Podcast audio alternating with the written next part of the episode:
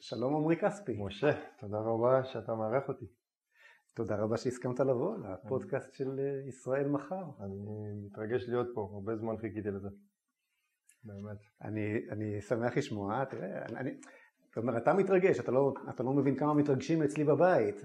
תראה, אני אומר לך, אה, אני, חי, אני חייב להיות כנה, אה, אני לא אשאל אותך שאלות על כדורסל, כי מהר, מהר מאוד יהיה ברור אה, לך כמובן, וגם לצופים, איזה בור ועם הארץ בתחום הזה. אבל תראה, הבית שלי זה בית ש... שועי הארץ אה, נכנסו ויצאו בו מדי פעם, בוא נאמר ככה בלשון, בלשון עדינה. בוא נאמר שאם נשיא המדינה יהיה על הקו, אז אף אחד לא אה, יעצור את נשימתו ויפסיק את אה, עיסוקיו בבית. אבל כששמעו שאני הולך לראיין את עומרי כספי, פתאום הבן הצעיר שלי, שהוא כבר גמר צבא, אמר, מה? עומרי כספי? פתאום בזכותך המניות שלי בבית עלו, עומרי. עמרי קשר פוליטיקאי. תודה. האמת היא אבל שהקשר בינינו נוצר כשאתה התקשרת אליי. נכון. התקשרת אליי כדי שאני אבוא להתראיין בפודקאסט, נכון. בפודקאסט שלך, ואני עוד, ואני עוד מתכנן, מתכנן בהחלט, בהחלט לעשות את זה. וכתוצאה מכך התחלתי קצת אה, ללמוד אותך וזה. והשאלה הראשונה שאני חושב שעולה לכל ישראלי כשהוא אה, שומע על אה, כדורסלן מצטיין הישראלי הראשון, הכדורסלן הישראלי הראשון שהצטרף ל-NBA, ו... למה חזרת לארץ? וואה, שאלה מורכבת, אבל בסופו של דבר אני חושב שהבסיס שלנו כעם, כ... כמשפחה, כדרך קדימה, זה, זה פה בארץ. חייתי בארצות הברית עשר וחצי שנים, כמעט 11 שנה. ואני לא יכול להגיד, הייתי שם על green card, מה שנקרא תושב ארעי אני חושב, אה, שאני לא יכול להצביע בבחירות וכן הלאה, אבל אה, הייתי בגזרה הזאת. אף פעם לא הרגשתי בבית. תמיד הייתי הרגשתי אאוטסיידר, המשפחה שלי תמיד הייתה פה. אתה התחתנת שם? אני התחתנתי פה בארץ, אשתי ישראלית, הבנות שלי כולן נולדו פה, יש לי שתי בנות, שרי בת שלוש ואסתי בת שנה. ויש איזה משהו שאי אפשר להסביר. יש את השקט הזה של יום שישי לקראת שבת, את השקט של שבת, את הבית כנסת, את המשפחה, את החוויה, את החברים, את החיבור הזה למדינה. ובסופו של דבר זה הבית. ואתה הרגשת את זה יותר ויותר המון שם. המון שם. כן. כלומר, כש, כשנסעת זה לא העסיק אותך כמו שכשכבר היית שם. ממש, ואתה יודע איפה אפילו הכי, הכי הרגשתי את זה? בשנה הראשונה או השנייה שלי בארצות הברית הלכתי לבית הכנסת ביום כיפור ופשוט התביישתי שבקושי ידעתי את התפילה. הייתי בבית כנסת... התביישת שמה? שבקושי ידעתי את התפילה. אתה לא בא מבית בו... אה, בית ישראלי, אתה יודע, מסור שארוחת שישי זה קידוש וכן הלאה, אבל לא היה באמת את ה... לא הנחתי תפילין וכן הלאה, ואת התפילה עצמה, והלכתי עוד בזמנו לבית כנסת אה, אה, לא אורתודוקסי, זה היה בית כנסת קונסרבטיבי. ואני מסתכל מסביבי, וואו, אנשים יודעים את התפילה, ואני ישראלי שגדל במדינת היהודים, גדל בבית, יושב ומגמגם בכל התפילה. ושם באיזשהו מקום עשה לי איזה קליק כזה שאמרתי רגע משהו פה לא בסדר אני חייב להתחיל ושאלו אותי גם אתה יודע תוך כדי העונה וחברים ואתה רואה שאנשים יודעים יותר דווקא האמריקאים ו- ומוסלמים אפילו יודעים יותר על התורה מאשר אני ידעתי ואמרתי תקשיב אני חושב שגם זה קשור בהרבה גם למה שאנחנו רואים פה אצלנו בארץ מבחינת עוצמות הוויכוח, כי ישראלים אנחנו לא אוהבים לא לדעת, לפחות אני חושב ככה, ולא לשבת באיזשהו ויכוח וטיעון ואין לך טיעונים חזקים. אני חושב שהטיעונים של זוהי בגלל זה היו כל כך חזקים, כי הטיעונים הם חזקים. והרגשתי, אמרתי, תקשיב, איך זה יכול להיות? ואני מעריך את עצמי, אתה יודע, מניח שכמו כל אחד, אתה יודע שיש לו דעות ורוצה להביע דעות ולשבת בשולחן עם חברים ושיהיה לו דעה עניינית לנושאים מעניינים. אתה רוצה שהקבוצה שלך תנצח. וזה בטוח, זה בטוח, זה בטוח. לא, זה, זה... גם על המגרש וגם ב... זה קשור, זה חייב להיות קשור. ואתה יושב שם ואני הרגשתי חוסר אונים, אומרים לי, כן, אבל אברהם אבינו עשה ככה. ואני אומר, אברהם עשה ככה, בוא'נה, אני לא יודע. וזה הטריף אותי. ואז באיזשהו שלב אמרתי, אוקיי, זה, זה לא יכול, אני לא, לא, לא מרגיש בנוח. והיום, אתה יודע, אני יכול לתת לך, אה, אה. לנחם אותך. שמהרבה בחינות גם אני מצאתי, ובגיל הרבה יותר מאוחר, שאני בכלל לא יודע. Hmm. שאני בכלל לא יודע, כלומר אני שלכאורה דתי, או אני לא אוהב את המושג הזה, אבל... יהודי, שומר, יותר שומר תורה ומצוות, בוא נגיד, מיהודי. ב-level אומנם שונה, מבין הרבה פחות את העניין ממה שהייתי, לא לימדו אותי בבית הספר, לא לימדו אותי בישיבה התיכונית שבה למדתי את uh, שום דבר, בוא נאמר ככה, שום דבר ממה שאתה קורא אותי היום, כותב ומדבר ואומר, כמעט שום דבר, לא למדתי, לא בחינוך הדתי ולא במערכת החינוך, ולא במערכת החינוך הדתית. זאת אומרת, במובן מסוים אני מזדהה עם, עם הרגשות שלך, כן. שכשאתה, פתאום אתה מבין שאתה שייך לאיזושהי נבחרת, שכל העולם נושא אליה את עיניו, וזה נכון. והעולם מבין אותה, אני יודע מה, ה-constituency, הבוחרים של טראמפ מבינים אותך יותר טוב ממה שאתה מבין את עצמך. לחלוטין. ממש כך. לחלוטין. ואני חושב שזה... יש איזו ציפייה מהנבחרת שלנו. יש ציפייה לגמרי מהנבחרת, ואני חושב שחייבת להיות אדפטציה בצורה כזו או אחרת. אני, אני מאמין מאוד בחסידות חב"ד, ואני מדבר על זה יחסית הרבה. הרבי דיבר על זה, על, על, על תורת החסידות שהיא איזושהי כמו אה, תרופה ל, ל, לימינו, של דורנו, הקירוב מהאהבה וכל מיני דברים כאלה ואחרים, חייב להיות שגור, אה, כי אם לא, אז אנחנו נאבד בדרך, מכל הבחינות, זה יכול להיות מבחינה פוליטית, יכול להיות מבחינה דתית, יכול להיות מבחינה אה, של, של, של קהילה ואוכלוסייה פה במדינת ישראל, אה, אבל זה חשוב לדעת מה נכון ומה לא נכון. אה, אבל שוב, תסלח לי שאני קצת לוחץ. לא, אני אשמח. למה, למה כל כך היה אכפת, מה כל כך היה אכפת לך לאבד?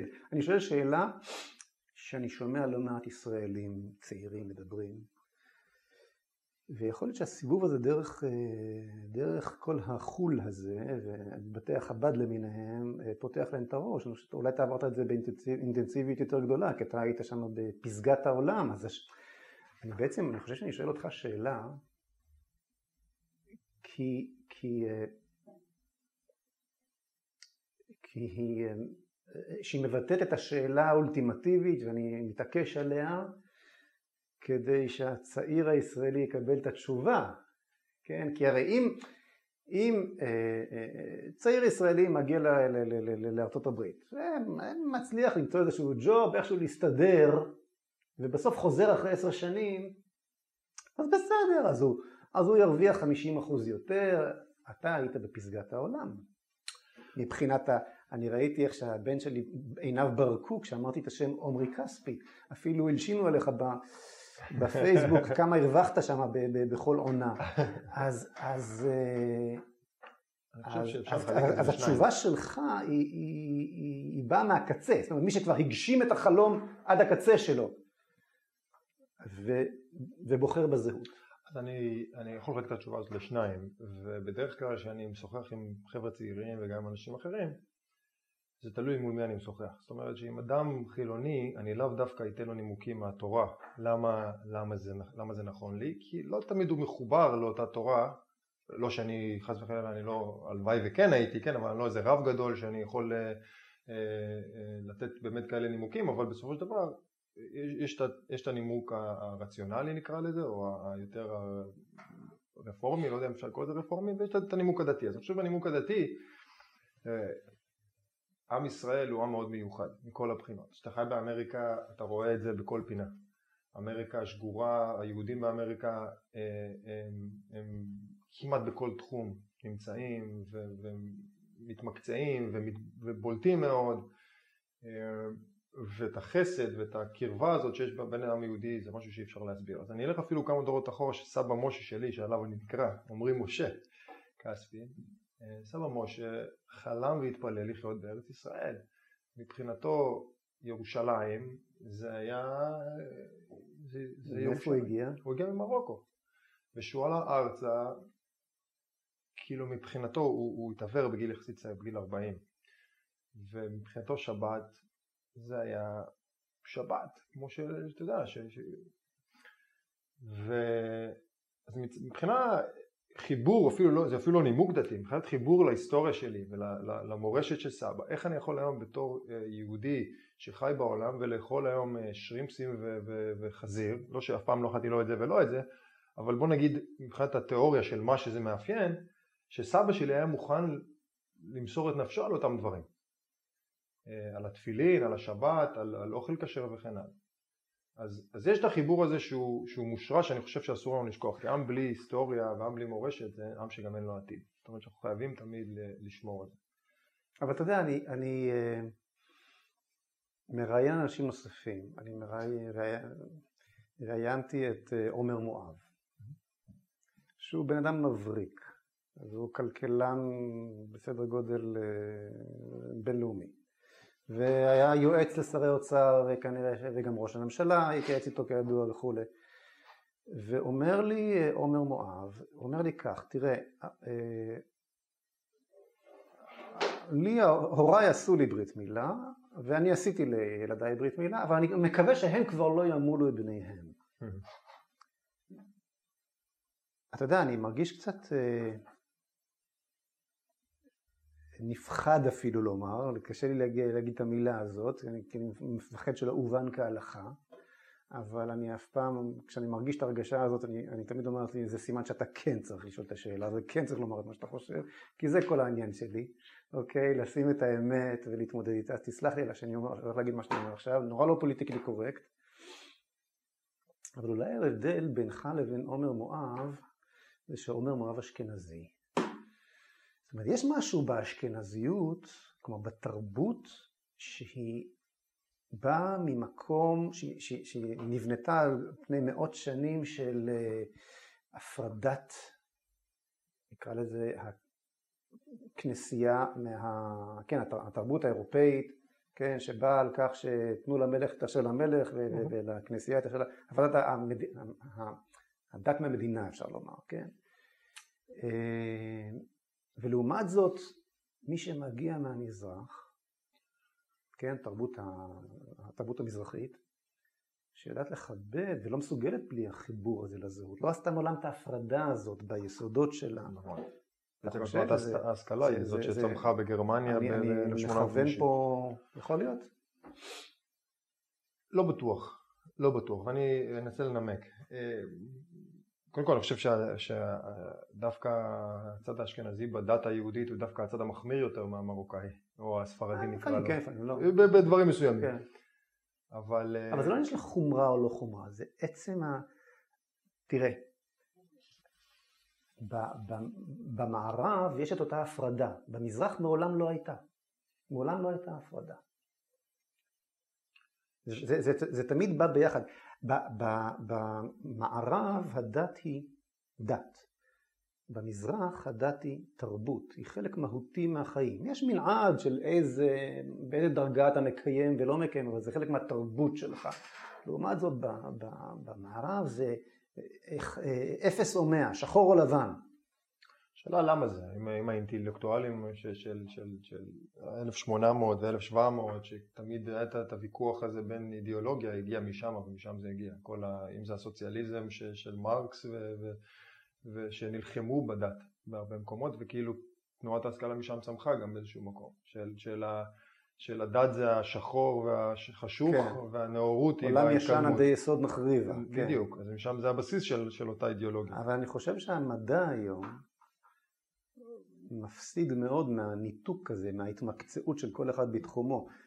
סיימתי עכשיו ספר, יש לך, רץ עכשיו בחנות הספרים ספר חדש על ליאונרדו דה וינצ'י, סיימתי אותו השבוע, ספר, ספר מרתק, ואתה רואה שהאיש הזה שהוא בוודאי פורץ דרך מאה שנה לפני ניוטון, בכל כוחו, כן, הוא בעצם חשף את העולם להבנת הגוף האנושי, עשה ניתוחים, ניתוחים אנטומיים וכו', נכון. אה, ומחקרים כל כוחו היה בשילוב שבין אומנות לבין מדע. אתה יכול, אתה יכול היום בכלל לדבר עם מישהו ולהסביר לו שהיכולת להגיע לתבונה אנושית גבוהה יותר נובעת לא מההתמקצעות אלא מההוליסטיות והשילוב של הדברים האלה. ועד כמה מגיע השילוב הזה? אז מה זה 50-50 של שילוב כזה? איך אתה היית מנתח? עם, עם, עם ליאונרדו? כן. כן, משהו כזה, זה, זה, זה, זה, זאת אפילו שאלה לא רלוונטית, כי, כי זה הכל ביחד, יש מדע חד משמעית, מדע באומנות שלו, ויש אומנות במדע שלו, וזה אותו דבר ביהדות, היהדות היא לא דת לטעמי, היהדות היא לא דת, היהדות היא תרבות כוללת של עם ישראל, וכל אחד שצריך למצוא את מקומו במנעד הזה, ומבחינתי, במובן הזה יהדות ספרד היא הרבה יותר מבטאת באופן אותנטי את, את היהדות מיהדות אשכנז, שצריכה להשתחרר מזה, באמת, מה, מה, מה, מה, מההפרדה הזאת, מהחרדיות הזאת. לכן זה די אה, כואב בעיניי לראות את הרבנים הספרדים עם הכובעים האשכנזיים השחורים. כן, זה... אבל נעזוב את, העניין הזה. שמע, אתה אומר ששמך משה בין השאר, אז קודם כל עוד, עוד סיבה טובה, ש... סיבה טובה שנכיר לך את השם, איך אומרים, לא אוכל לשכוח את שמך. אז, אה, אז את מי אתה משה, עומרי? מי אתה מרגיש צורך למשות?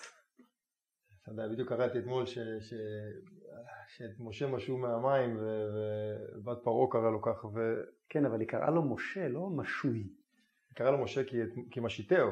כי מן המים משיתיהו. כי משיתיהו. הייתה צריכה לקרוא לו נמשה, או משוי.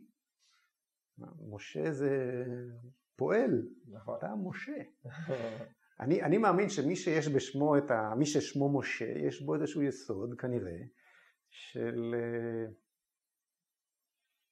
של, של הושטת יד ומשייה, אתה מושך אחריך. זה גם בצד הרוחני, אני מניח שיש את כן. היהדות שמאמינה שאתה... אנחנו מאמינים שיש קשר בין השמות לבין ה... בטוח. אז את מי אתה משה, משה? תראה, המטרה שלי... אה, אה, אני חושב שהיום, במיוחד בימינו, ודיברתי על זה טיפה קודם כי אמרתי ש, שהעניין הזה, הניציות הזאת בלדעת מי צודק, אני חושב שהיא כרוכה קצת בעם ישראל, ברצון להצליח וברצון להיות צודק. וצריך קצת להוריד את הלהבות בין, בין כולנו. אני מרגיש את זה גם, אתה יודע, אם אני מעלה פודקאסט עם אה, יאיר לפיד, או שאני מעלה פודקאסט עם אמיר אוחנה, ואתה רואה את זה בתגובות ובניציות בין הצדדים. כן. אה, וזה יכול להוביל למקומות מאוד לא טובים. כן. ברמת העיקרון. אז אני, אם דיברנו טיפ, טיפה על האמצע, אז אני חושב שצריך להיות באמצע. אגב, הרמב"ם כתב על זה, זה, זה נכון. יעקב אבינו תפארת, כי חסד גבורה ותפארת. אה, אז אני חושב שצריך להחזיר את התפארת הזאת קצת לעם ישראל. לא יודע אם יהיה לי חלק לצפון בתוך התהליך של, של שיח מכבד, של לדבר על אידיאולוגיה, אני חושב שהאידיאולוגיה נשכחה מזמן. אני חושב האידיאולוגיה בכלל, אתה מבין בזה הרבה יותר ממני, אבל אידיאולוגיה בכלל בישראל הפכה להיות מין סכמה כזאת, אתה רואה בליכוד ובאחד שמאמין בכלכלה חופשית, מצד שני אנשים שמאמינים בהסתדרות וניהול מרוכז של, של, של כלכלה. זאת אומרת ש... לפעמים צריך לא, לחזור לבסיס, לדבר, לכבד. אני חושב ששני הצדדים אגב צמאים לזה גם. אני חושב שהרבה פעמים אני מקבל מאנשי שמאל אחרי פודקאסט, וואי תודה שנתת לו את, הבמה לדבר על הדברים האלה, כל כך מעריך את זה. וגם כנ"ל מאנשי ימין. אה, צריך למצוא את האמצע. אז אם אני יכול, אה, אתה יודע, למשות משהו מהמים, אם ככה אומרים את זה, אז... אה, טוב, אז בואו נעבור עכשיו מהנושאים הרוחניים, היהודיים, לנושאים ישראליים, כלליים יותר. כלכלית, אני רואה שאתה מתנהל גם בפודקאסט שפתחת אני רואה שאתה חושב כמו אמריקאי. הבאת דברים טובים מאמריקה לדעתי. אתה חושב עסקית, אתה חושב אה, אה, במושגים של רווח והפסד, אתה אה, לא מסתיר את זה. אלה הדברים העיקריים שאני אדבר עליהם גם, אבל אני חושב שקראתי את הספר שלך, של, של מצע של זהות, לא יכולתי להתעלם מהחיבור המאוד עמוק שיש לה, אה, לחוקה האמריקאית ולהרבה מהיסודות האמריקאים, שזה ממשלה קטנה, שזה חופש לפרט, זה הקהילה בנושא נדל"ן והכוח לקהילות השונות אה, וכן הלאה וכן הלאה. ואני מאוד מאמין ביכולת שלי ושלך ושלה ושלו לייצר דברים מאשר פקיד ממשלתי שיושב על איזשהו ג'וב ללא רווח והפסד.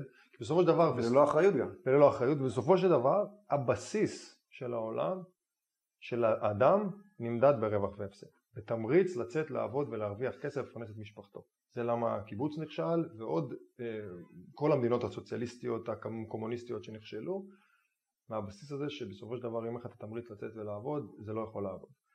ואם אנחנו נייצר כלכלה שתתבסס יותר על, על רווח והפסד ועל תמריץ ולהוריד את המיסים במדינת ישראל, וקראנו את הלופר ריפורט שאחוז המס צריך להיות לו 35 אחוז, ונייצר את התמריץ הזה בעוד דברים, גם בשיטת השוברים בחינוך, בכלכלה וכן הלאה וכן הלאה. נייצר, אני חושב שמדינת ישראל יכולה להיות המקום קודם כל מדינת ישראל היום היא כבר מדינה מדהימה לגור בה וכיף לגור פה ותל אביב היא מדהימה ויש לנו כל כך הרבה צבעים ויופי וירושלים וכן הלאה אבל באמת זה יכול להיות מקום ש, שאנשים לא יאמינו כמה מדהים יכול להיות, יכול להיות המדינה הזאת. וזה על ידי נתינת הכוח חזרה לאזרח שיורידו את המיסים ויורידו את הרגולציה הנוראית שיש לנו פה במדינה מדינת ישראל תתפוצץ. וזה, וזה גם הסוד לא, רק, לא רק בכלכלה אלא גם באותה אינטראקציה בין חלקי האוכלוסייה השונים. נכון. ככל שאתה משחרר אה, ויוצר מציאות אה, חופשית אה, לאנשים שבה הם לא לוקחים זה מזה, אלא רק נתרמים זה מזה ולא מאיימים זה על זה ולכן לא מפחדים זה מזה, אז ממילא כל אחד נכון. יש לו מקום. ו- ו- ועל ידי אותם דברים אתה גם תייצר את החיבור הזה לטעמי. כי אם אתה תעשה, תוריד את מדינת הרווחה טיפה. זאת אומרת שהעומס הזה שהחרדים יושבים לנו על מדינת הרווחה, או אם תעשה אה, צבא יותר מקצועי, ואז ירד הלחץ הזה מאותם חרדים שלא מתגייסים, אבל לא באמת צריכים אותם, ואנחנו יודעים גם שלא צריכים. אז, אז, אז מפלס הלחץ צריך לרדת, ואני חושב שזה צריך להיות האידיאולוגיה של גוש הימין. יש, יש לי ביקורת לגוש השמאל ויש לי ביקורת לגוש הימין, אבל גוש הימין צריך להאמין באידיאולוגיה הזאת, כי בסופו של דבר, על מנת לנצח, אתה צריך לנצח את הטיעונים של הצד השני. אני חייב לספר לך שני סיפורים קצרצרים שמדגימים את מה שאמרת עכשיו בצורה נפלאה. סיפור, ושניהם מהכנסת, בהיותי חבר כנסת. בקדנציה הראשונה שנכנס יאיר לפיד לכנסת, התחברנו, ואמרתי לו, יאיר, הרי כל הסיפור הזה של שירות, שירות צבאי של החרדים הוא זה ש... עליו הוא רכב אל תוך הכנסת, זה, כן. זה הטיעון. זה הטיעון, כן. כלומר, בוא, בוא לא נשכח, גיוס, הגיוס או הגיוס בכפייה הוא שיא השיאים של התערבות המדינה ב, ב, ב, בחיי הפרט. אין, אין כפייה גדולה מזאת, לקחת בן אדם ולהגיד לו אתה עכשיו שייך למדינה, אתה תעשה, כן, זה, זה לגמרי ברור. אמרתי לו, יאיר, אין צורך, לא בחרדים וגם לא בחילונים, ברובם לפחות אין צורך. אני יכול להראות לך, אפשר, אפשר לעשות צבא התנדבותי, שכולם יתנדבו, מי שרוצה, מי שלא רוצה, וזה יהיה מצוין. וצבע פניו השתנה, והוא נבהל, והוא ניתק, מיהר לנתק מגע ממני, והוא היה עסוק מיד במשהו אחר. אמר לו, הרי ברור, אני, מה שאמרתי לו, לקח את הסוס שעליו הוא רכב, אבל, אבל אז אני חייב לשאול לך שאלה על זה. אבל, אבל, אבל אני חייב, אז אני רק אוקיי. אשלים את הצד השני של הסיפור. הלכתי, לא, לא, לא ויתרתי, הלכתי לעופר שלח, שעכשיו רוצה להתמודד, להתמודד מולו שם. הלכתי לעופר שלח. עופר שלח כתב, כתב ספר על צבא מקצועי, הוא חקר ופרסם ודיבר על כך, אמרתי עופר אתה כתבת על זה ספר, הוא אומר לי כן כן אבל חזרתי בי? אז זה רק מראה כיצד האלמנט הזה של הטוטליטריזם למעשה של המדינה, של המדינה הגדולה, המדינה הכופה, אה, עד כמה קשה להשתחרר ממנו, כי הוא בעצם משרת את, את, את, את הפוליטיקאים, הוא משרת את החרדים, הוא משרת את לפיד, הוא משרת את... הוא משרת את... אז לי זה מראה שני דברים. קודם כל, בסופו של דבר, לאורך זמן, הטיעון האמיתי, הנכון, הצודק, ינצח. כי אתה לא יכול לאורך זמן... אני מסכים איתך. להשתיק את הדעות האחרות. כי אתה תפסיד. אם הטיעון, אם האמת לא לצדך, אתה לא יכול להחזיק. עם ישראל זה דוגמה מצוינת בדת הדתית ומבחינת אה, תיאוריה מדינית. אתה אומר עכשיו דבר מאוד מסוכן. למה?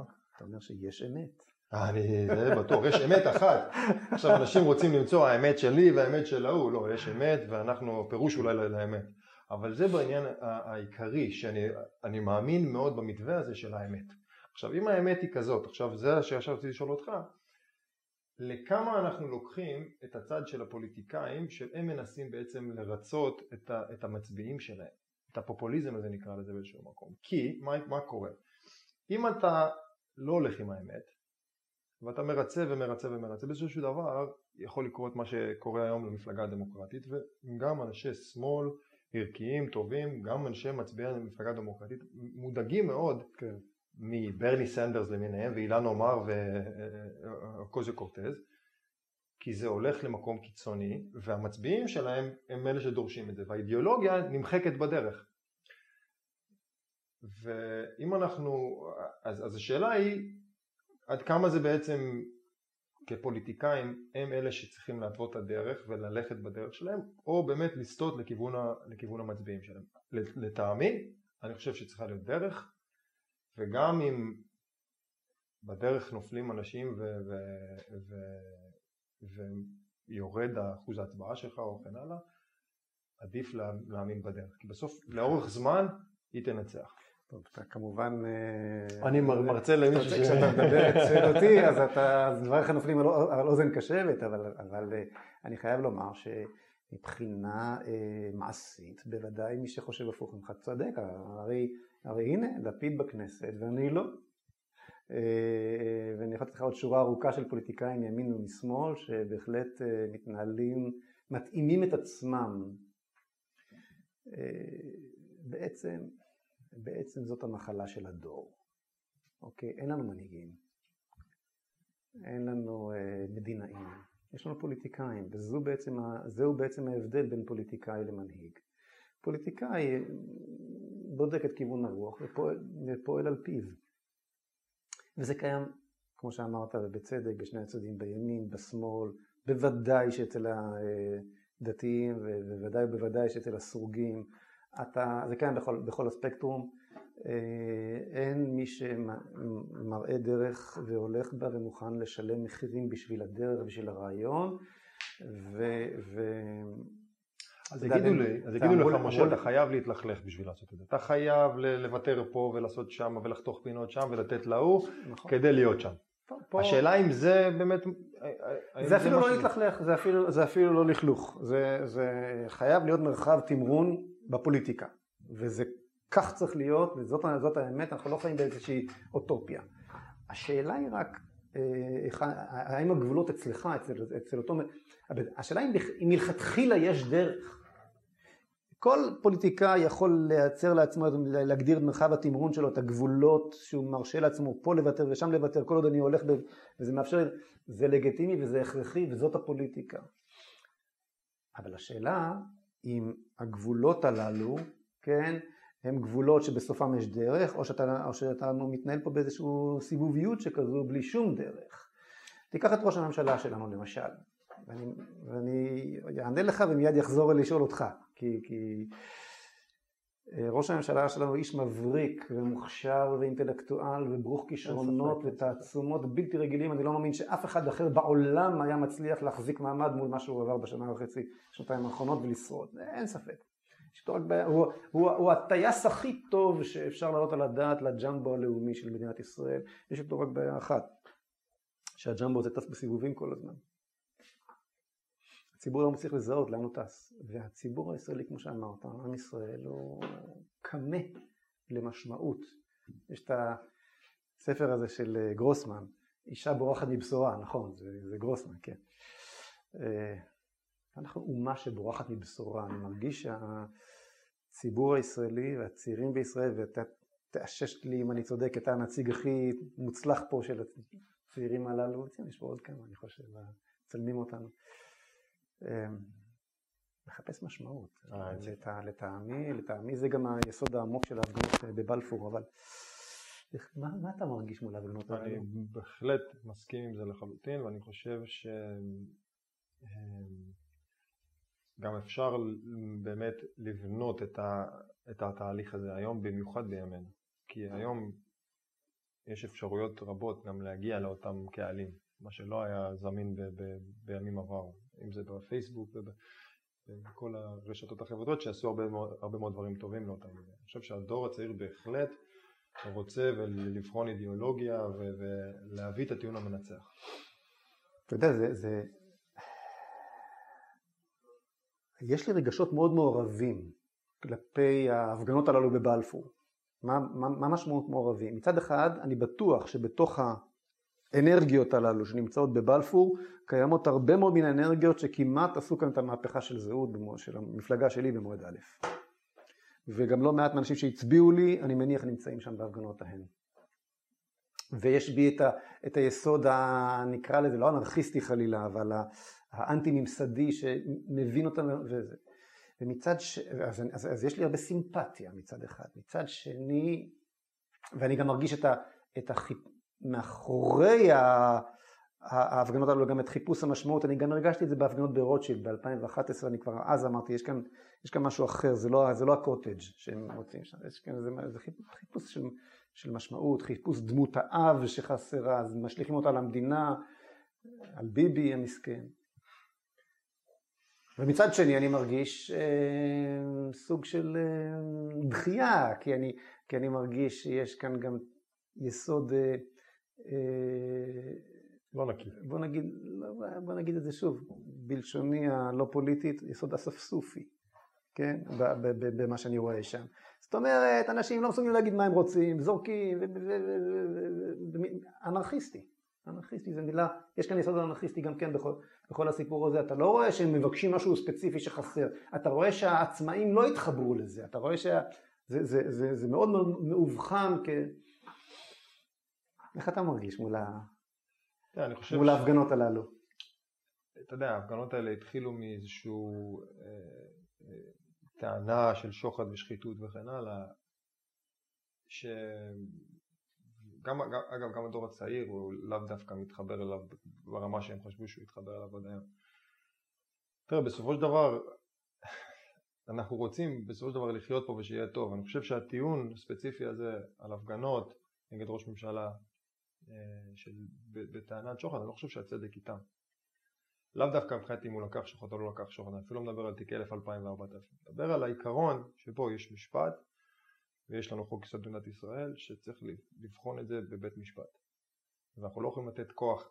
אני מאמין בבסיס שלי שהאידיאולוגית הבסיס המשמעותי ביותר, לא יודע אם זה אפילו ימין ושמאל, בבני אדם זה באמונה הבסיסית במשפט שהאם טבע האדם הוא באמת רע מנעוריו. כמה בני אדם הם באמת טובים בבסיס שלהם. אני חושב שבני אדם לא טובים. בגלל זה אני מאמין בכלכלה חופשית, אני מאמין בממשלה קטנה, אני מאמין שהכוח צריך להיות שרוי על כמה שיותר מוקדי כוח. כנ"ל גם לבית משפט עליון. אני מאמין ששופטים כבודם במקומם מונח והם חשובים לקה, לקהילה ולמדינה וכמובן צריך להיות חוק וסדר. מצד שני, גם הם בני אדם, הם לא אלים ושום דבר כזה. לכן גם הם צריכים לעבור איזשהו תהליך של, של אה, checks and balances. כשאני אומר את זה, צריך בסופו של דבר לבחון כל דבר לגוף ולהגיע לבית משפט שיכריע במצב הזה. אנחנו לא יכולים לתת לבית משפט את הכוח להחליט מי יהיה פה ראש ממשלה על ידי הגשת כתב אישום ובסופו של דבר להחליט מה קורה פה במדינה. זאת אומרת שגם להם צריך להיות checks and balances וגם שם צריך להגיע למצב שמגיע גזר דין חלוט. אם עכשיו יהיה הגשת כתב אישום, אפשר להגיש, אני מניח, על כמעט כל פוליטיקאי כתב אישום על איזשהו משהו. ברור. ו- ויוצא פה מצב של יכול באמת לייצר אנרכיה. לכן כשאנחנו מסתכלים בבסיס של הטיעון, אני לא חושב שהוא צודק. עכשיו, האם זכותם להפגין? ברור. האם אני רוצה לדבר עם חלק מהמפגינים האלה? ברור. האם אני רוצה להגיע לעמק השווה? ברור. אבל כשאנחנו מסתכלים בטיעון הבסיסי, בטיעון הבסיסי אני חושב שאנחנו צריכים לתת לבית המשפט, עם הביקורת שהעברנו עליו אה, בצורה כזו או אחרת עכשיו, להגיע לגזר דין חלוט על מנת לדעת מה קורה עם בנימין נתניהו כראש ממשלה שלנו. אתה יודע, אמרת שאתה מאמין שאדם הוא לא טוב, לא בבסיסו. לא טוב. אני, תראה, כתוב, והאלוהים עשה את האדם ישר, והם חישבו חשבונות הרבה, או חשבונות רבים. ציטטתי במדויק את הפסוק. זאת אומרת, יש, יש באדם שני אלמנטים, יש בו את המצפן, יש בו את המוסר הטבעי, הפנימי שלו, שאיתו הוא נולד, הוא קיים. אני, אני כנראה נותן לאדם יותר קרדיט ממך באופן טבעי, אבל זה ברור ש, שקל לאדם מאוד לאבד את זה במהירות ולחשב את החשבונות הרבים. כן. הבסיס כן. האידיאולוגי, לא יודע אם הקומוניסט או הסוציאליסטי בכללותו, הוא אוגר יותר מדי כוח אצל מעט מדי אנשים, בסופו של דבר זה מוביל לשחיתות, למרמה, לדברים של, של, של, של חבר מביא חבר וכן הלאה. אני רק לא, אני אישית לא מסכים איתך ב, ב, בכך שפסק דין חלוט של בית המשפט העליון אה, יאמר במקרה הזה של נתניהו איזושהי אמירה מוסרית, זה ברור ש... ברור, ברור אני לא חושב, שאני חושב שבית המשפט צריך להחליט על המוסר, אני חושב שזה שלנו של קהילה. אני אישית, אני, אישית ברור לי לגמרי שנתניהו יודע שאסור לו להגיע לשם באמת. הוא צריך איכשהו לצאת מהמשפט הזה. קח למשל את המשפט שנעשה ל... לנשיא המדינה לשעבר קצב, שהוא קצב, שהוא הואשם באונס. המערכת טיפסה עם הנשיא קצב לגבהים שכאלו שברור היה שהיא לא יכולה, ל... היא לא יכולה אה, להוציא אותו ללא הרשעה מוחלטת. הוא היה כל כך בטוח בצדקתו, והוא חשב כמוך שהוא ילך עד הסוף ויוכיח אותה, אה, כי, כי ישנם, המציאות היא, היא מעורפלת, המציאות היא אפרורית, היא ניתנת לפרשנות לכאן, לכאן ולכאן. כשהייתי מפקד מחלקה בצבא, ורציתי להשאיר מישהו שבת, לא הייתה לי בעיה. Hmm. גם, גם אם לא היה לי הוכחה, ידעתי איפה הנקודה בנשק, כשאני אכניס את האצבע היא תצא שחורה. אי אפשר לנקות שם, בין תפס המחסנית ל... כן. זה אותו דבר, כשנהגתי הנה לאולפן, אה, אין מצב, אין נהג ישראלי שלא יוצא מהבית בבוקר ומגיע לעבודה עם תיאורטית 20 עבירות תנועה. אין דבר כזה, נכון? לכן, לכן... אבל זה דבר מאוד, בתיאוריה שלו, דבר מאוד מפחיד, זאת אומרת שאין אמת, או שיש אמת אבל היא נטועה לפרשנות. כזו או אחרת. לא, יש אמת, יש אמת.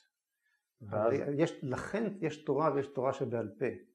המשטרה עוצרת את מי שעובר על המהירות, אבל היא לא עוצרת את מי שנוסע במהירות של 81 או 91 או 51, היא עוצרת אותו, כלומר יש את המרחב הזה דומה למה שאמרנו קודם, של החיבור של החוק למציאות, של התורה שבעל פה הרלוונטית בדור הזה, כן? ואתה רואה שוב ושוב שהמערכת, ופה הטענה למערכת המשפט, הרי הם ימצאו איזה סעיף כזה או אחר ויכניסו, ונתניהו יודע שזה מה שהם יעשו לו, כי הם, they're looking, looking after him, כן, מחפשים אותו, זה, זה לגמרי, זה לגמרי ברור. היום, היום עולה לדיון שוב הנושא של רומן זדורוב, שאני אישית מאמין לחלוטין בחפותו. זו תחושתי. האם המערכת תהיה מסוגלת אה, להודות בכך, לרדת מהעץ שעליו היא טיפסה, למרות שיש בידם כנראה ראיות אה, מזכות לחלוטין? הלוואי, הלוואי. אז אני חושב שזה חוזר לעניין הזה של checks and balances, כי אני חושב ש... לחזק את מה שאתה אמרת בארצות הברית שהנשיא נבחר ויש את הוועדה שבוחרת נשיא שמרן או נשיא דמוקרט אז, אז ה-checks and balances האלה על זה אני מניח שזה נבנה כי הם מאמינים שאותו אדם, אותו אה, נשיא, אותו שופט חרדי במדינת ישראל הוא ישפוט שונה משופטת שמצביעה מרץ ויהיה להם איזושהי אה, נכון. אפרוריות ש... נכון. אז ה-checks and balances האלה הם אלה שחסרים אוקיי. פה אולי. הרי מה קורה עם שופטי בית המשפט העליון? ולפני 25 שנה כשהקמתי את זוהר ארצנו, יצאתי בביקורת קשה מאוד בבית המשפט העליון, ואני זוכר שסביבתי הקרובה ביותר, אבי זיכרונו לברכה, כעס עלייך, נהנו אז מלמעלה מ-80% של אמון ציבורי. היום זה פחות מ-50. איך אתה מדבר ככה על שופטי בית המשפט העליון? איך, איך אתה יכול שלא לזה? היום כבר הדברים הם גלויים וידועים וברורים ברורים אה, אה, לכל. אבל טענתי אז אמרתי, תראו, אתם לא פוגעים בי, אתם פוגעים בעצמכם. כי הנכס הגדול ביותר שיש לכם זה אמון הציבור, גם נשיא בית המשפט העליון לשעבר אהרן ברק אמר, אבל זה לגמרי ברור, אתם מאבדים את אמון הציבור. למה הם לא הבינו שהם צריכים להתחיל להקשיב לדעות אחרות? זה... בגלל מה שאמרת, אין את ה-checks and balance האלה. זאת אומרת, הוא שומע את חבריו, כולם מהנהנים בראש, אומרים לו את מה שהוא מאמין בו. הוא חוזר הביתה, איזה עיתון הוא פותח? הוא פותח את עיתון הארץ, אז זה קורה, כמה שהוא נפלא, הוא פתח טלוויזיה, הוא ראה את חיים יבין, אה, אה, אה, מהנהן בכבוד על, על, על... זאת אומרת, הוא, הוא חי בתוך איזושהי בועה. זה חוזר לנקודה של, של, של, של טיעון מנצח. אם הדרך הייתה נכונה, בסופו של דבר אתה יכול לתת את הטיעון המנצח למה אתה החלטת ככה. אם היה checks and balances והיה אחווה והיה זה, אז אמון הציבור היה נשאר כמו שהוא. אבל שהטיעון הוא לא נכון, והדרך להגיע להיות בית שופט במשפט עליון, ושהציבור היום, זמין, המידע הזה יותר זמין לו, בגלל אותן רשתות ו- ו- ורשתות חברתיות וכן הלאה, אז הטיעון לא מספיק חזק. אתה לא יכול לבוא ולהגיד לי שתשעה שופטים, תשעה אנשי ועדה, יש שישה זה, ושלושה שופטים מצביעים על זה, והם מכריעים את הגורל, ש, ש, שבסופו של דבר זה שופט לא מביא שופט. אי אפשר, אי אפשר, אתה לא יכול לשבת ולטעון, אז כן, הם, הם כמובן, אנחנו מכבדים אותם ומעריכים, אבל בסופו של דבר, בבסיס של זה אתה רואה שהדרך להגיע לאותו מקום היא שנויה במחלוקת. ואם היא שנויה במחלוקת, אתה מאבד את הטיעון החזק. אז לאורך זמן, זה לא יכול להחזיק. אז אתה חושב שהשיטה לבחירת שופטים צריכה להיות כמו בארצות הברית? אני בטוח. אני חושב שאמריקה בבסיסה, אני חושב, ואמרתי את זה גם בשידור, החוקה האמריקאית זה המסמך הפוליטי, פוליטי, הכי טוב שנכתב מבעצם בהיסטוריית העולם. אי פעם לדעתי, כן, כן, אני מסכים איתך. אבל... וכל כך הרבה מחשבה. ואגב, יצרה, בסופו של דבר, את האימפריה שהביאה הכי הרבה אור לעולם גם. אם זה אה, אה, אוכל בעולם, אם זה התקדמות טכנולוגית, אם זה חופש, אם זה הערכים של המערב, ואפשר להמשיך ולהמשיך ולהמשיך מה את כל אמריקה הביאה לעולם. שזה מדהים אותי, אתה יודע מה מדהים אותי אבל באמת משה? זה שאתה מדבר על זה פה ואתה פתאום, אתה כאילו, אתה מרגיש שהשיח לא שם, אמריקן, כן, אבל, אה, אתה יודע, לך שם לבית אז חולים. אז, אז למה זה לא עובד להם עכשיו? מה קרה? אני חושב שזה... אנחנו רואים את המהומות, אנחנו רואים את ה... כן. הרי הוא לא יצליח באמת uh, to make America great again, זה לא יקרה. אנחנו לא באמת מאמינים שהוא יצליח. אני חושב שזה... אני לפחות לא רואה את זה קורה. זו שאלה עמוקה, אני חושב ש... ויותר מזה, מתחיל עכשיו ברוך השם גל עלייה מארצות הברית, היהודים מבינים שזה כבר לא המקום שלהם, אז, אז, אז אנחנו רואים שהחוקה לבדה לא עבדה להם. אני לא חושב שהיא לא עבדה או, להם. או, או הפסיקה קצת לעבוד להם. אני חושב שהיא עבדה לאורך המון שנים, אני חושב אבל... זה, זה ודאי נכון. קרה שם תהליך אה, עמוק מהמון גורמים חיצוניים גם, לנסות ולהפיל את אמריקה מבפנים. לנסות מה? ולהפיל את אמריקה מבפנים. זאת אומרת שהאידיאל הזה שאמריקה נבנתה עליו, היום אתה רואה דורות של, בטח הדור הצעיר, בוא נגיד 30 ומטה, לא מאמינים באותו אידיאל שאמריקה עליו נוסדה, של ארץ האפשרויות הבלתי נגמרות, של החופש, של, ה, של היצירה, של העשייה. אתה רואה היום יותר דיבור של סוציאליזם, יותר דיבור של המדינה כן צריכה לתת, כן מס על העשירים, לא בוא נעריץ את ג'ף בזוס הענק שהביא לנו אמזון לפתח הדלת תוך 24 שעות והוריד את המחירים בכל העולם ומעסיק כמה מיליון איש, לא, בוא ניקח לו כי הוא גנב לנו. ואני חושב שזה השיח היום, אני חושב שזה הבעיה, אני חושב שזה מתחיל משם. אני חושב שזה בעניין הזה של, של להעריך את הדרך, זה מה שאמריקה נבנתה עליו. עמרי, זה מתחיל לטעמי בנקודה יותר בסיסית.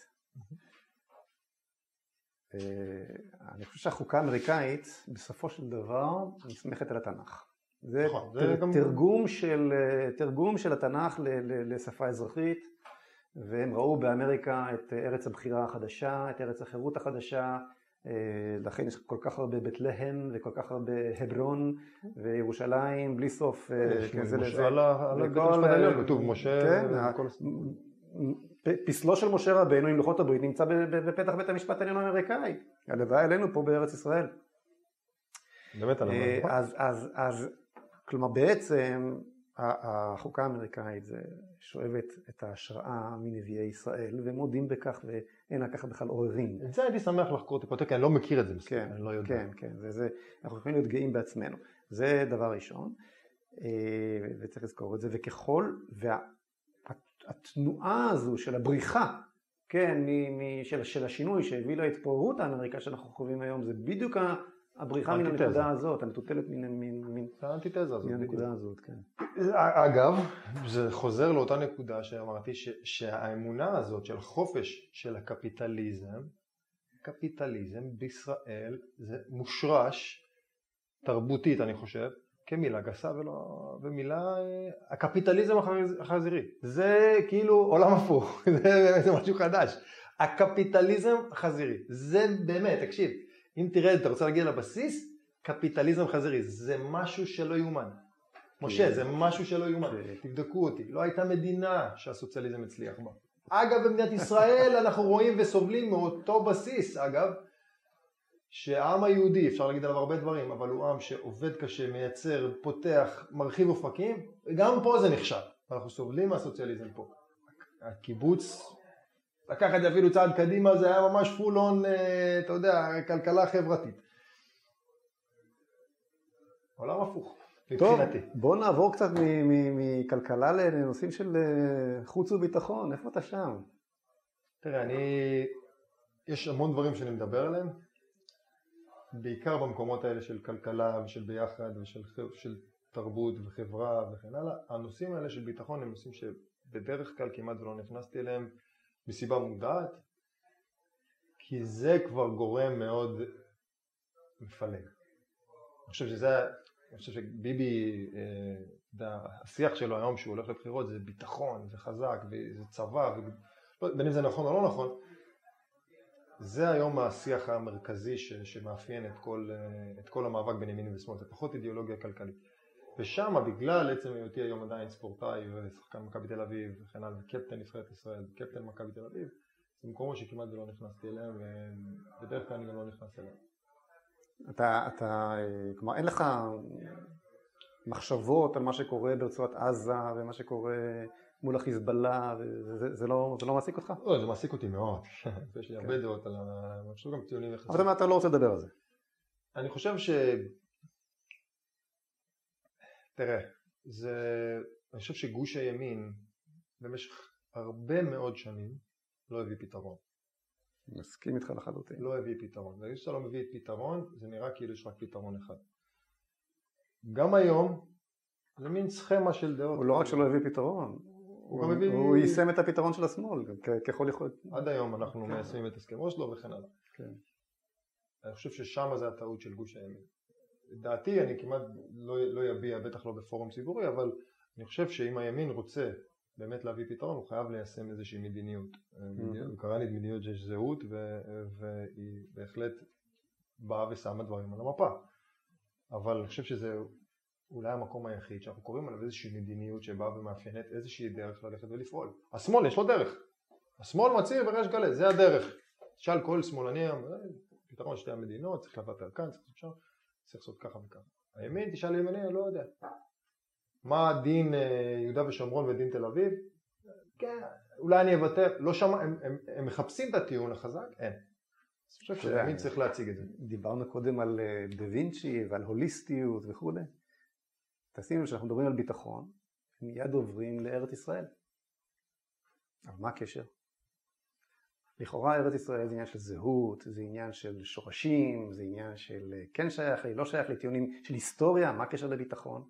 מסתבר שאי אפשר להפריד בין הדברים. אי אפשר באמת להפריד בין הדברים. למשל, אם אתה מדינה בעלת זהות מוצקה, ואתה מבין שאתה שייך לכאן, ואתה פה בסך הכל אה, חזרת לכור מחצלתך וזה, ורצה הגורל או הבורא, והנה אתה מוצא את עצמך פה עם, עם עוצמה של, שהיא לא ספק הופכת, הופכת אותך אה, למעצמה אזורית, אתה, התרגום הביטחוני של הדבר הזה הוא שונה לחלוטין מאשר אם אתה נמצא פה כמין מטאוריט שנחת כאן בטעות, מרגיש כאורח בארצך, ו, וכמנהיג לא מאמין במוכנותו של עמך אה, לשלם איזשהו מחיר מלבד השרידות המיידית.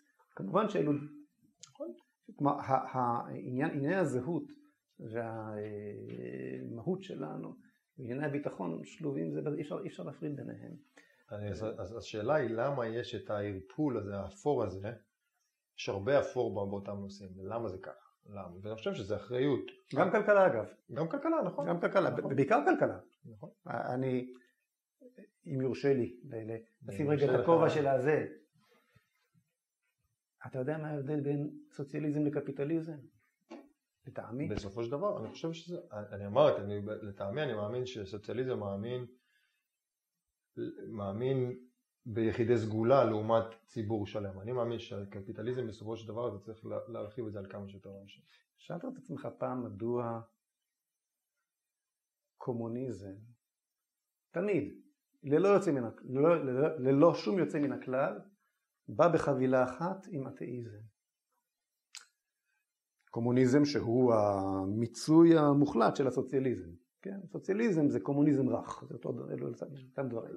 תקן אותי אם הסוציאליזם הוא למעלה, אני חושב שסוציאל דמוקרט שואף להגיע לסוציאליזם דרך הדמוקרטיה, והקומוניזם על ידי הפיכה אבל שוב, הגדרתית, אז תשים לב שתמיד המהפכות קומוניסטיות, זה לא משנה אם זה סין, אם זה ברית המועצות לשעבר, אם זה צפון קוריאה, צפון קוריאה דת אסורה, כן? אז אני חושב שבסופו של דבר זה עניין של שליטה וכוח. כי על ידי פירוק הקהילה, על ידי פירוק הדת, הגרעין המשפחתי גם אגב, נכון. אתה יכול לגרום לכוח מאוד מרוכז אצל יחידי סגולה למעלה. כלומר, כש... אז, אז, אז נניח שיש לנו כאן קערה עם אגוזים, חוזר לרעיון הבסיסי של הכלכלה, כן? יש כאן קערה עם אגוזים, כן? ו... ואני... ואין אלוהים, אין אלוהים במציאות, העולם הוא אקראי לחלוטין, ואנחנו צריכים איכשהו לחלק את ה... לדאוג, לדאוג, לדאוג לכך שהאגוזים הללו יפרנסו אותנו. כל אגוז שאני לוקח מהקערה בא על חשבונך, וכל אגוז שאתה תיקח מן הקערה יבוא על חשבוני, ולכן אין ברירה, אנחנו צריכים איזשהו רודן שיחליט, שי, שיעשה מה? שיעשה שוויון, שייצר שוויון. כלומר באופן הבסיסי ביותר רעיון השוויון הוא רעיון, אה, שוויון הולך תמיד עם כפירה. אין, אין גוונים במציאות, יש שחור ולבן, אנחנו צריכים לשטח אותה לשוויון בין, בין כולם. אבל קח את זה, קח את זה לעולמות שלי, קח את זה לכדורסל, כמו כן. שתגיד לי עכשיו, כן. אתה אה, עמרי כספי, משחק ב-NBA, ושכולם ירוויחו אותו דבר, כולכם משחקים כדורסל. אבל יש את לברון ג'יימס שהוא משחק כדורסל הרבה יותר טוב מעמרי כספי והוא מרוויח 40 מיליון דולר בשנה, ועמרי כספי מרוויח את ה-X שהוא מרוויח. עכשיו, זה לא פייר שאני ארוויח כמו לברון ג'יימס, אז ניקח את זה לציבור הכלל, אחד רוצה להיות... למה זה לא פייר? זה אתה צריך להרוויח כמוהו. אז בדיוק. שניכם מתאמצים אותו דבר. בדיוק, אני ואני, ותאמין לי, יכול להיות שאני גם עובד לא פחות, ואפילו יותר קשה ממנו. יותר קשה. אבל יותר קשה, ותאמין לי, אני מגיע בערב שלברון נח ועושה מסאז'. אבל ניקח את זה לעולמות שלנו, אז אותו אחד שרוצה להיות צייר, זכותו, ולאו דווקא זה יפרנס אותו כמו ספורטאי שמשחק במכבי תל אביב. אז זה לא יהיה פייר שתיקח, זה צריך להיות... אבל חוסר השוויון הזה, הוא יפה, הופך את העולם שלנו נכון, כל כך יפה, יפה. וצבעוני, ו- וצבעוני, וזה הסוד של החיים, חוסר השוויון, חוסר השוויון הזה, נכון? אנחנו לא שווים, אז זה צריך להיות הבדלה, אנחנו שווים בעיני אלוהי החיים של אה, אה, אה, הבן אדם הכי עלוב, כן? שאין לו גרוש של הנשמה, והבן אדם הכי עשיר והכי מוצלח והכי כישרוני, שווים בעיני האלוהים. נכון. ערך החיים שווה, אבל האנשים, פניהם שונים, כישרונותיהם שונים, הם נולדו שונים והם פשוט לא. אגב, התורה שווים, הם לא יכולים להיות שווים. לא צריכים להיות שווים. התורה הביאה את האידיאל הזה בעין תחת עין ושן תחת שן, שאין פה מישהו שהוא שווה יותר מאחד מהשני, אבל צריך לעשות את ההבדלה הזאת, כי מדברים על שוויון. אז יש שני שוויון. שוויון אחד זה שוויון בתוצאה, שאני חושב ששם מנסים לכוון נכון, את השיחה, נכון, לתוצאה. נכון. אני בעד שוויון בהזדמנות. בוא, שיהיה פה חופש לכולם, לי ולך, לצאת החוצה ולהתחרות, ומי שיהיה יותר טוב ינצח. אבל אם אנחנו חוזרים ל, לשאלה ששאלתי אותך, למה, ב, למה הסוציאליזם תמיד בא עם, או הקומוניזם תמיד בא עם אתאיזם? משום שאין אלוהים וחייב, וחייב להיות שוויון וחייב להיות מישהו שמחליף את אלוהים ומחלק את, האגוזים או את הקלפים או מה, שלא, או מה שלא יהיה כאן. לעומת זאת בקפיטליזם ישנו היסוד של היד הנעלמה. אם אתה ואני נישא וניתן באמונה, בהוגנות, כן, על פי, מתוך אמונה, ש, ש, מתוך אמון, אמון ואמונה אחד בשני, mm-hmm. בגלל איזה שהם ערכים משותפים, אז קערת האגוזים הזו תצמח. וזה יש, מה שקורה. יש מציאות של יש מאין, הוא אמר ויהי. כן? שים לב. זה, ו, וזה בדיוק מה שקורה למי שמגשים את החוקה האמריקאית. הטלפון הזה, אפל, כן. עליו עכשיו אתה יכול לבוא ולייצר אפליקציה שתהיה שווה מיליארדים. נכון. על כלום. על משהו שלא היה קיים לפני 25 שנה, 20 שנה, 15 שנה. ואתה נותן פה איזשהו, אתה מייצר יש מאין, אתה מייצר דברים אחרים, ואתה, והעולם ממשיך להתפתח. והעולם שלנו היום, ומנסים להש, להשכיח את זה בכל מיני דרכים. אנחנו חיים היום בתקופה, נוציא את הקורונה שהגיעה לנו משום מקום, חי, אנחנו חיים בתקופה הכי טובה אולי בהיסטוריה של העולם, מכל הבחינות. כן. העוני בעולם היה ב-1970 באזור ה-40 אחוז, לא עוני סליחה, רעב ללחם, היום הוא פחות מ-10 אחוז, ומה הביא את זה? מה הביא? לא הביא איזה משרד ממשלתי שנתן איזשהו תקציב מדיני כזה או אחר, הביא את זה החופש לעסוק ולפתח ולייצר. וזה מה שהביא את הדבר הזה. אבל היום, מי היום? תלך פה לסופרמרקט, עזוב מדינת ישראל שעוד יוקר המחיה גבוה, לך לאמריקה, לך ל Costco, תשלם 50 דולר membership, 50 דולר, משה. אתה קונה 24 בקבוקי מים בפחות מדולר, דולר 99 אה, סנט. לייצר, לייצר את הדבק עולה יותר.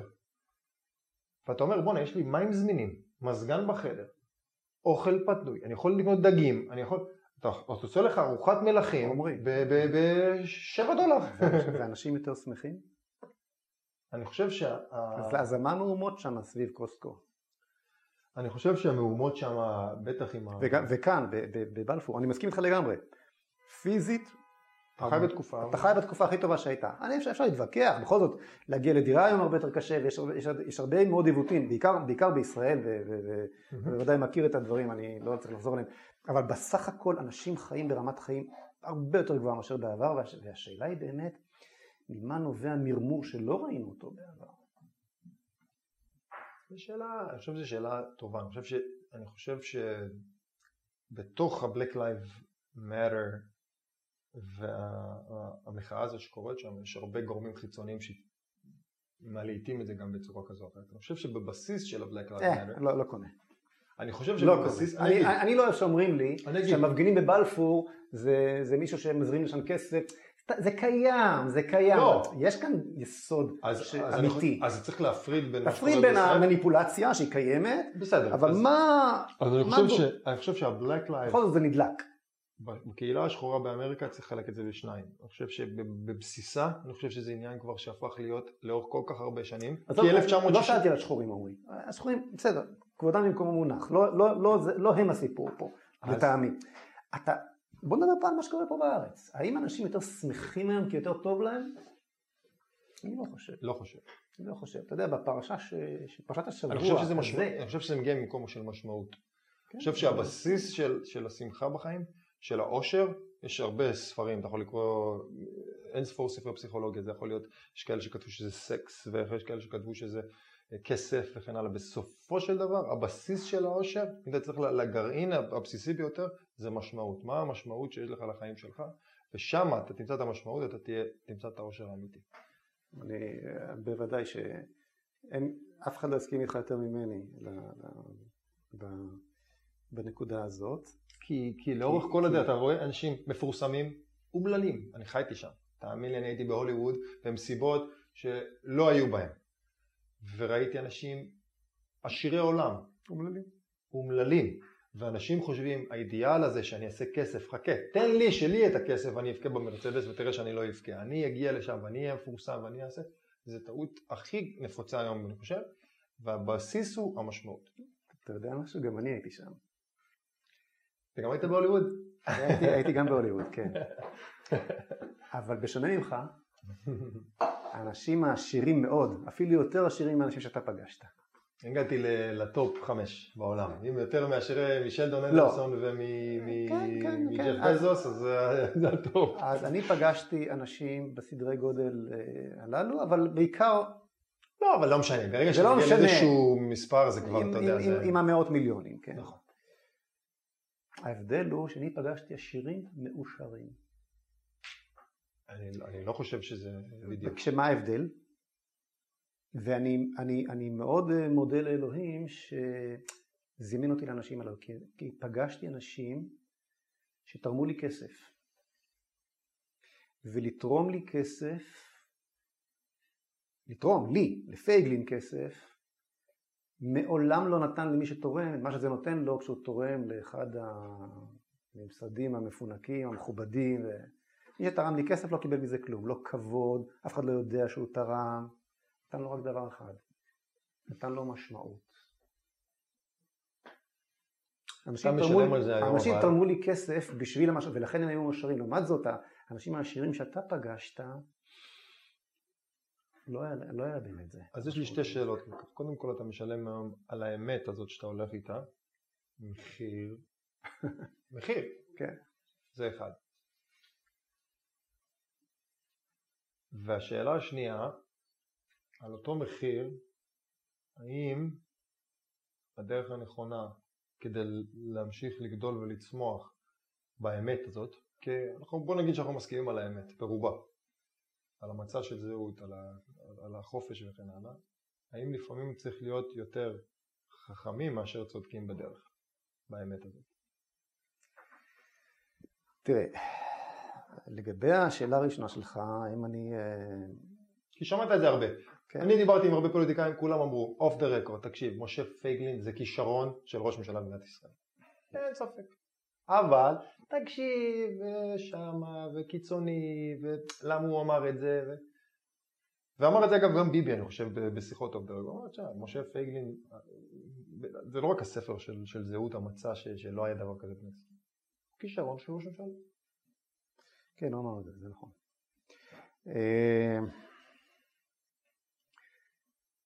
במובן האישי, אם אנחנו מסכימים שמשמעות היא, ה... היא היסוד של העושר, אז, אה, אז הכל בסדר, כן. במובן המעשי, אני כל הזמן שואל את עצמי, האם באמת, איפה הנקודה שבה אולי הייתי צריך קצת להתפשר, הייתי צריך קצת לנהוג אחרת, לתקן. אה, ואני, תראה, אני אדם מאמין, אני מאמין מאוד אפילו. וזה מאוד, וכתוב שאתה יודע, ממליך מלכים ולא המלוכה, בסופו של דבר אנחנו לא עוסקים כאן בי, אנחנו עוסקים mm. כאן בעם ישראל. זה חזק מאוד. ועם ישראל הוא, הוא, אה, הוא, הוא אה, כתוב בנים אתם להשם אלוקיכם, זה לא סתם עם ש, ש, שקיים לנצח. אנחנו, אנחנו העם שנגע בו הנצח כנגד כל חוקי ההיסטוריה. ובגמרא כתוב, ו... גם אף, אף אפי שחטא ישראל הוא. כן, ו... כן. ו... יש כאן, יש כאן, כלומר, להנהיג את עם ישראל, להוביל את עם ישראל, זה בוודאי לא נתון לבחירתך החופשית ולכישוריך. כן. תיקח אחד כמו טראמפ. דונלד טראמפ, מנהיג העולם החופשי, שאני היום, היום כתבתי פוסט שמצדיע לו חבל הזמן, על זה שהוא יוצא נגד בית הדין הבינלאומי בהאג, עושה דברים שאני לא האמנתי שהבן אדם הזה יעשה. הבן אדם הזה, צורה, אורח החיים שלו, הצורה שבה הוא התבטא, היה איזשהו סיכוי שטיפוס כזה ייבחר לארה"ב חמש שנים קודם? שום סיכוי. שום סיכוי, שום נכון. סיכוי. אז מה אתה רוצה ממני? אז פה עשיתי טעות עם איזה ראיון, ופה עשיתי, אמרתי משהו, והנה זה לא הולך לי. אז בסופ, בסופו של דבר, ואני הרבה יותר מוכשר במובן ה, של הבנת המציאות הכללית ולעומקה וכולי, מדונלד טראמפ. הנה אני אומר את זה כאן, ולא מתוך חוסר צניעות. כן, הבן אדם פועל כמו איזה בולי כזה, רדנק כזה, כן? מה, והנה הוא, הוא מצליח. והאם הוא מצליח כי הוא, כי הוא ידע לתמרן, בדיוק להפך. אני יודע, אני חושב לי איזושהי תשובה למה כן רגע, רגע. תן לי רק להשלים. אז, אז, אז תמיד אפשר לומר כן, פה זה משחק בעד, וברור שגם אני עשיתי המון טעויות, אני לא מתכוון לא שאני חף מטעויות, ברור שלא, אבל בסוף, בסוף, בסוף, אני מאמין שבכל הקשור להנהגת עם ישראל, אם זה צריך להיות אני, זה יהיה אני.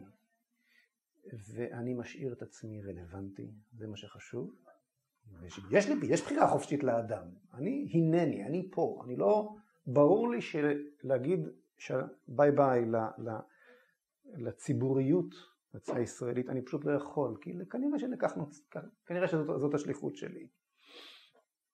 אבל, אבל אה, אבל אה, כשזה צריך לקרות, וכשהשוכן במורים יחליט שזה יקרה, אז זה יקרה, ואם הוא לא יחליט שזה יקרה, אז זה לא יקרה, ואני אמשיך לעשות את מה שאני מאמין שנכון, אני אנסה לדייק כמה שיותר, ולתקן כמה שיותר, ולהנגיש את עצמי קצת יותר טוב, וזהו זה. ככה אני, ככה אני, אני מקווה שעניתי לשאלה שלך. לא, אני חושב שענית קודם כל, אבל אה, אם אני משווה את זה טיפה לאמריקה, אני חושב שאמריקה בבסיסה היא, היא, היו הרבה יותר דעות לאורך השנים. דרך הרדיו ודרך ערוצי הטלוויזיה וכן הלאה. בארץ היה מסגרת ששלטה ברוב הדעות במדינת ישראל. אז אם אני נגיד אקח את זה להשוואה לדור הטיפה יותר מבוגר, זה יגיד יותר מבוגר, אבל קשה להם להשתחרר מהגישה ההסתדרותית, מה... של, של, של מה שהם חונכו וגודלו פה לא- לאורך הרבה מאוד שנים. אני חושב שאת הפירות של זהות אנחנו נראה בעוד אני לא רוצה להיות, הנביאה, הנבואה ניבאת ניתנה לשוטים, אבל אני חושב שבעוד, אם חשבנו שתראה את זה בבחירות האחרונות, אבל אני חושב שהניצנים, הבסיס של זה כבר התחיל לחלחל ומתחיל לקרום עור וגידים פה, ואת השינוי האמיתי, אני מקווה שעוד אה, חמש, עשר שנים שם זה יגיע. אז אני אומר לך משהו שלא תכננתי לומר, זה, ואני חושב שעם זה נסיים את הרעיון. כי זה קטע אה, במובן מסוים אפילו מרגש אותי מה שאתה עכשיו אומר. זה ברור לי לגמרי שהפירות של מסע חיי, 25 שנה של, של, של פעולה בתוך הציבוריות הישראלית, זהות היא רק הקצה של כל מסע חיי הציבורי ש, שאני מרגיש שאני באמצע שלו, לא בסוף שלו, ועוד לא הגעתי לפסגתו, אני מעריך. את הפירות הללו לא רק נראה בעתיד, אין לך מושג עומרי, כמה תגובות אני מקבל מאנשים שחייהם השתנו, מישראלים שחזרו לארץ, מיהודים שעלו לארץ, מ- מ- מישראלים שתכננו, צעירים שתכננו לעזוב לא רק את הארץ אלא גם את היהדות, שעצם המפגש עם, עם, עם גורם פוליטי שפועל בתוך המציאות ש, שיש לו אה, אה, אה, מטרה מלבד הפוליטיקה עצמה. אה, שלא לדבר על המהויות שנוצקו לתוכה של זהות ומשמעות וכולי. אה, את, את כל הפירות הללו אני רואה כבר עכשיו בצורה שבמובן הזה המהותי, לא הפוליטי הקטן, איזה תפקיד הצלחת, נבחרת, לא נבחרת, אה, זהות, ואני באופן אישי הגענו הרבה יותר רחוק מכל פוליטיקאי אחר ש, שפועל, ונדמה לי שלא אטעה אם אחד מה... הפירות הללו של הפעילות הזו, זה גם במובן מסוים אתה. מעיד על עצמי. ואני חושב שזה חוזר לנקודה הראשונה שבה התחלת, שעם ישראל מחפש את, ה, את החיבור הזה, את המשמעות. אני חושב שאמרתי את זה גם לחברים במשפחה קרובה, שהספר של זהות, המצע של זהות, זה איזשהו סוג של, של חוקה ישראלית, תורה פוליטית, לקיים פה חיים טובים יותר לעם ישראל. לכל... אתה, אתה לאור הרעיונות הללו, אני לא טוען שכל מה שאתה עושה זה, זה, זה בזכותי, אבל ברור שלא. אני בהחלט... אבל לאור הרעיונות הללו, אתה, אתה, אתה רואה את העולם בצורה מסוימת, ואתה שואל אנשים ודוחף אנשים, כלומר, זה, ברגע שאתה אומר משהו מהותי, זה מתהדהד דרך... אתה יודע מה אני חושב? ואני חושב שזה יישמע הכי צנוע שאפשר, אתה, אתה נהנה לשבת בדיון ובשיחה בין חברים, משפחה וכן הלאה, שיש לך בכיס את הטיעון המנצח. אתה מבין? כי בוא תתווכח איתי על סוציאליזם, אתה לא, אתה לא, לא יושב לך טוב בבטן, אבל בוא תשב איתי ותסביר לי על קפיטליזם, תשב איתי היום בדיון עם משפחה ארוחת אה, יום חמישי, חברים במסעדה, רוצים לדבר היום מה, אתה, יש לך בכיס כרטיס יציאה, כרטיס יציאה מטיעונים וזה אני חושב הבסיס של הניצנים האלה ש- שאנחנו...